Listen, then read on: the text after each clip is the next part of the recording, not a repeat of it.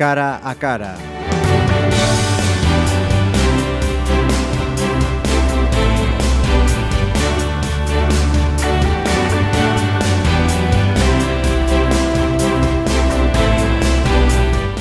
Saludos. Eh, os explico qué nos ocupa este cara a cara.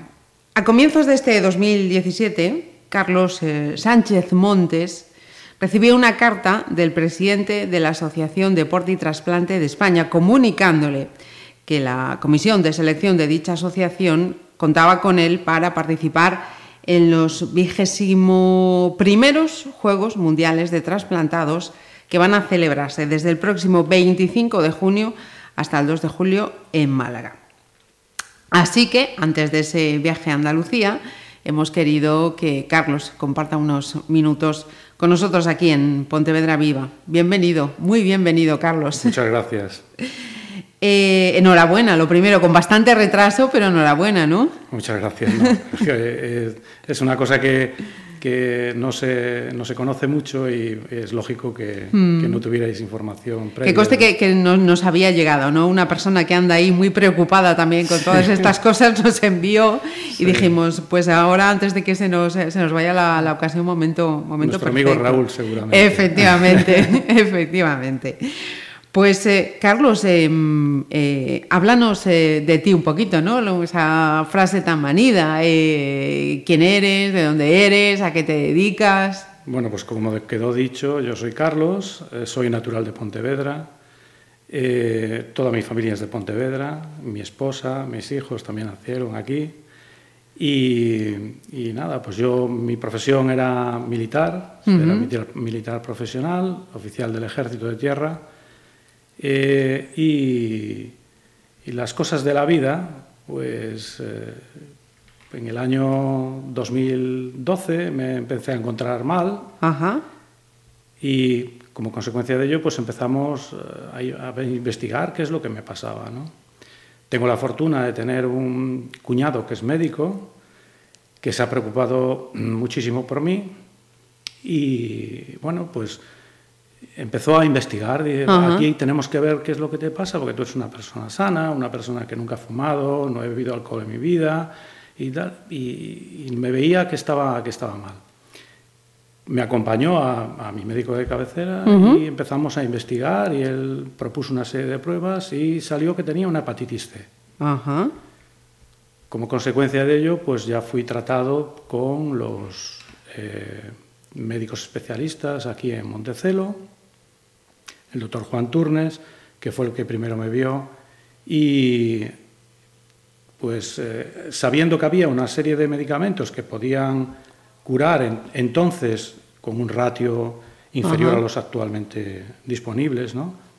pero eh, había una posibilidad y yo me aferraba a esa posibilidad, pero eh, haciendo pruebas complementarias eh, vieron que la medicación igual no la podía aguantar y sería peor el remedio. El remedio que era. Uh -huh. Entonces eh, dijo que era mejor que lo valoraran en la unidad de trasplantes de Santiago.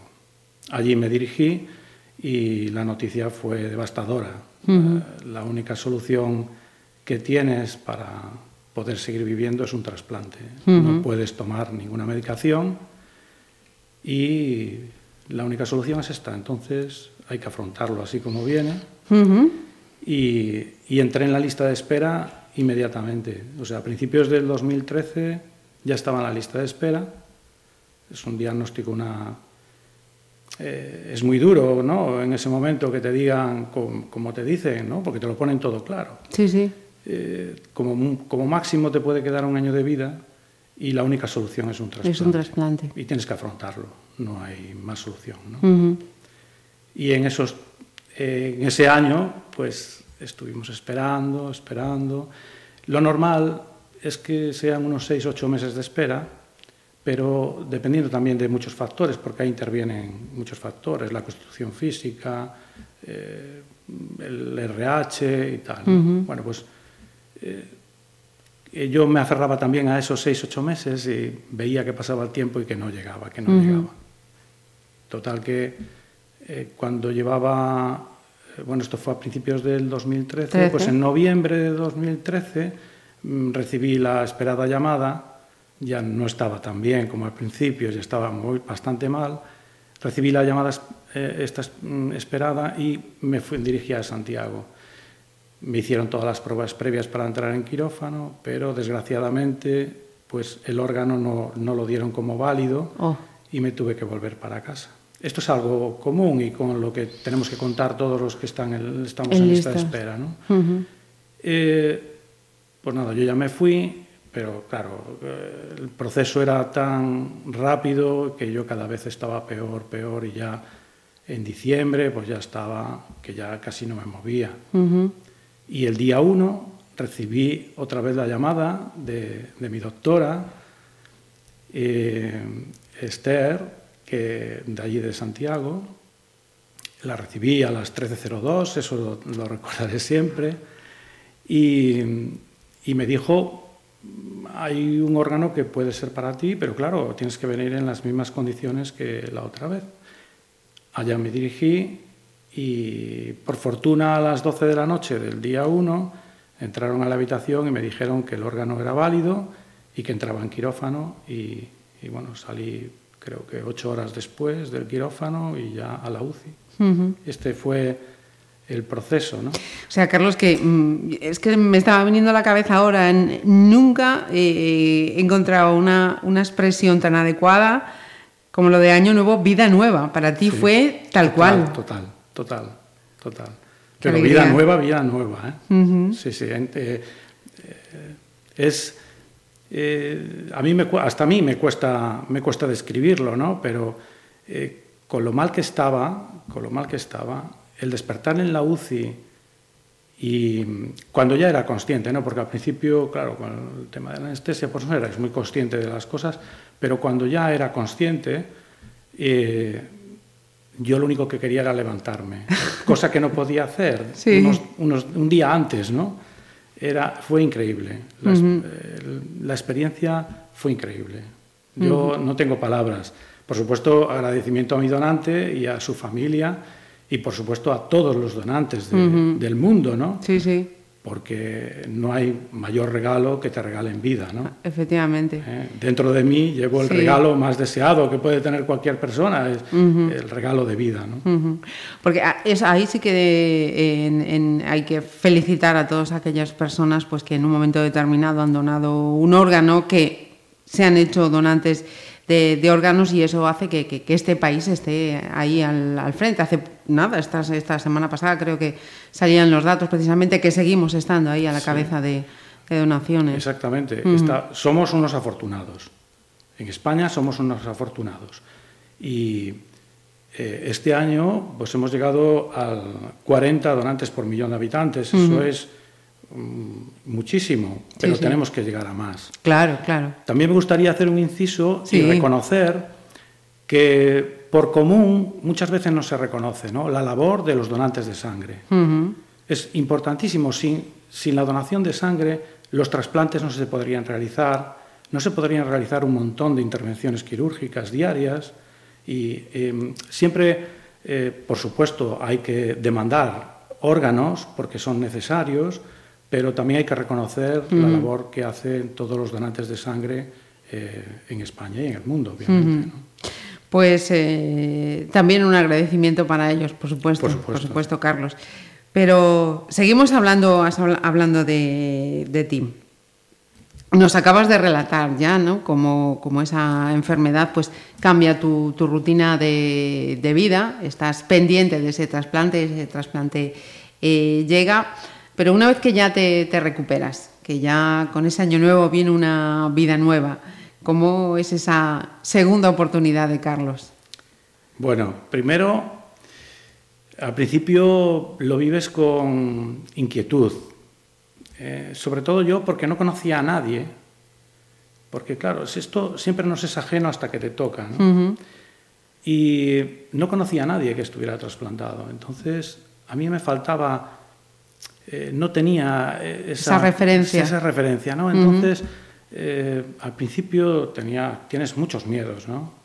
Y, claro, cuando, cuando ya sales de la UCI, vas a la planta, estas son unas condiciones muy determinadas, ¿no? Y tal, pero las sensaciones, todo eso es un cúmulo que no, yo, por ejemplo, en mi caso, he sido siempre muy positivo, ¿no? Sí. Sobre todo porque me lo hacían ser también mi familia, mi mujer, mis hijos, Sí. que estaban ahí permanentemente, ¿no? Y, y siempre he sido positivo, pero a mí me ha ayudado mucho eso, pero yo creo que me hubiera ayudado mucho más el conocer, el tener referencia de personas que, Que ya hubiesen pasado por esa experiencia. Y que, y que estuvieran bien, ¿no? Ajá. Que estuvieran bien. Por eso yo muchas veces voy hablo con los médicos de, de Santiago Ajá. y les pregunto, "Ah, ¿tenemos algún trasplantado y tal? Y, y me voy allí y hablo con ellos, ¿no? Sí. Porque yo fue una carencia que noté, porque si yo tuviera ese referente, eh, no sé, hay gente que lo pasa, eh, cada uno somos como somos. ¿no? Unos lo pasan de una manera, otros de otra. Yo tenía compañeros recién trasplantados que no tenían esa actitud que yo Tenías, eh, sí, tenía, ese ¿no? empuje, sí. Claro, yo, por ejemplo, en cuanto me dijeron que podía salir a caminar, Ajá, salí allá a vas. caminar. Sí, salí a caminar. Y luego con mi mujer, que estuvo allí el mes y medio que estuve ingresado, estuvo todo el día, y noches allí conmigo, pues eh, salíamos a caminar todos los días. y, hacíamos, llegábamos a hacer 10 kilómetros por el hospital, Ajá. 5 por la mañana y 5 por la tarde. Caramba. Sí, sí, sí. sí. Eso, ellos, los médicos me decían que era muy bueno que lo hiciera y Sí. yo lo hacía. Ajá. Eh, pues mira, otra iniciativa también interesante, ¿no? Una asociación, un colectivo que, que reúne a personas trasplantadas que ayuden a esas personas que van a ser eh, o que esperan ese, ese órgano o que lo acaben de recibir, ¿no? Ya las hay. importante. Ya las Ah, hay. ya las hay. Hay, asociaciones. Vale, vale. ¿Qué pasa? Que las asociaciones eh, normalmente, pues eh, que yo pertenezco a varias de ellas, lo que damos son charlas. eh, si alguien contacta contigo, obviamente, pues eh, les apoyas en todo lo que necesiten. Pero claro, es, no es lo mismo que cuando una persona está trasplantada y está en esos primeros días que son tan difíciles y que, vamos, es lo que pienso yo, Sí, ¿eh? sí, sí, sí. y que vaya una persona trasplantada que se encuentre bien y, y que vaya allí a Claro. decirle, oye, Mm. de esto se sale, Sí, esto sí. se sale y, y lo Sí, que yo he hecho ha es sido una, esto. una inyección de ánimo Claro, impagable. claro, impagable. claro, claro, Ajá. claro.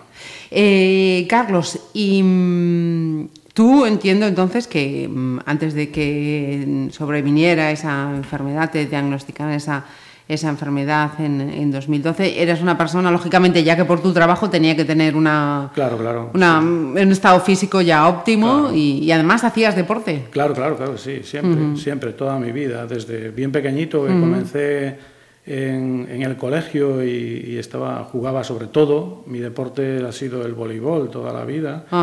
He jugado, bueno, cuando tenía 17 años jugué, eh, jugué un- una temporada en primera división, fui seleccionado eh, en tres ocasiones con la selección española y Anda. bueno, que, que siempre he hecho deporte, ¿no? Siempre, toda la vida, toda la vida. Eh, en, en este caso, en estos eh, juegos, eh, creo que vas por atletismo y pádel, ¿me equivoco? Sí, correcto. En, en pádel compito con otro compañero, obviamente que es, de pa- pues, por parejas, compito con otro compañero, eh, mi amigo Juanvi, que es de Logroño. Anda. Y le llamamos el rompecorazones. Porque es, creo que actualmente es el único caso en España, y no sé si en Europa en el mundo, que lleva tres trasplantes de corazón, Toma. Sí, más el suyo cuarto, el póker de corazones. Ajá, qué grande. Sí, y luego también en atletismo. En atletismo hago los, los lanzamientos, lanzamiento de peso, disco, jabalina y bola, que es una especialidad que hay en, en los deportes trasplantados Ajá. y, y para los cuales me he estado preparando con mi entrenador Santi Ferrer, conocido, muy Ah. conocido en, en Pontevedra y, Sí. y en toda España Ujú.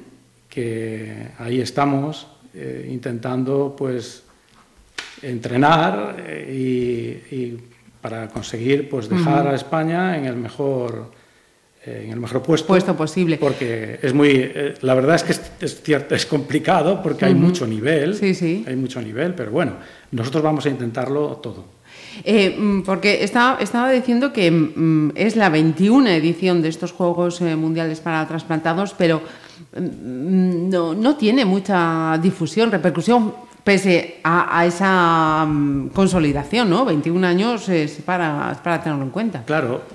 Eh, yo, por ejemplo, cuando contacté, eh, yo no sabía que existía ni siquiera la Asociación Deporte y Trasplante España, hasta que como mi inquietud era volver a recuperar la actividad física y eh, empecé a buscar por internet y localicé que había una asociación Deporte y Trasplante España a la que pertenezco que, que existía y, y, fue a raíz de ahí, y esto estamos hablando de hace dos años y medio aproximadamente, yo llevo tres años trasplantado, pues eh, que me entero y claro, no tenía ni idea de que existían juegos mundiales ni europeos, que también los hay. Sí. Y fue a raíz de entrar en la, en la asociación. ¿no?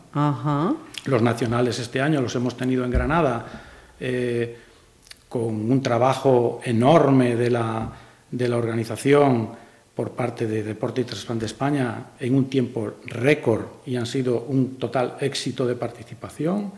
Eh, los hemos tenido eh, en el mes de mayo, abril-mayo, finales de abril, en el puente ese, y, y, ha sido todo un éxito. Y ahora estamos en el siguiente, que es el Mundial. ¿Cuántos juegos llevas ya entonces, Carlos? Llevo dos nacionales. Dos en, nacionales. El europeo, en el europeo no, no participé eh, que fue el año pasado. Sí. No participé porque, bueno, eh, también hay que ver muchas cosas y en esto hago desde aquí un llamamiento a, a, la, a las administraciones, ¿no?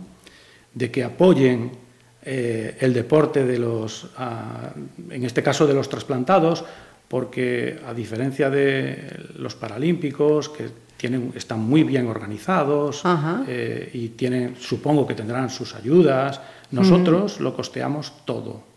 Caramba, pues... Nosotros ahora vamos a Málaga, los 77 que vamos españoles, y uh -huh. nos costeamos todo. Sí que re recibiremos algunas ayudas de, equipa de equipaciones, de... porque eh, la Asociación Deporte y Trasplante de España se ha estado moviendo uh -huh. para conseguir algunas equipaciones. Financiación que, privada, claro. Claro, para, uh -huh. que, para que vayamos Mm. Vamos, vamos representando a nuestro sí, país, sí, sí. que vayamos uniformados. Digna, ¿no? Dignamente, claro, claro, dignamente. Claro. Claro Por eso de ahí mi llamamiento a todas las administraciones para que se impliquen. Y, claro, y aquellas entidades privadas que quieran eh, promocionar y eh, alguno de los deportistas trasplantados estaríamos bienvenidos serán, claro, por supuesto, claro, que menos, que menos.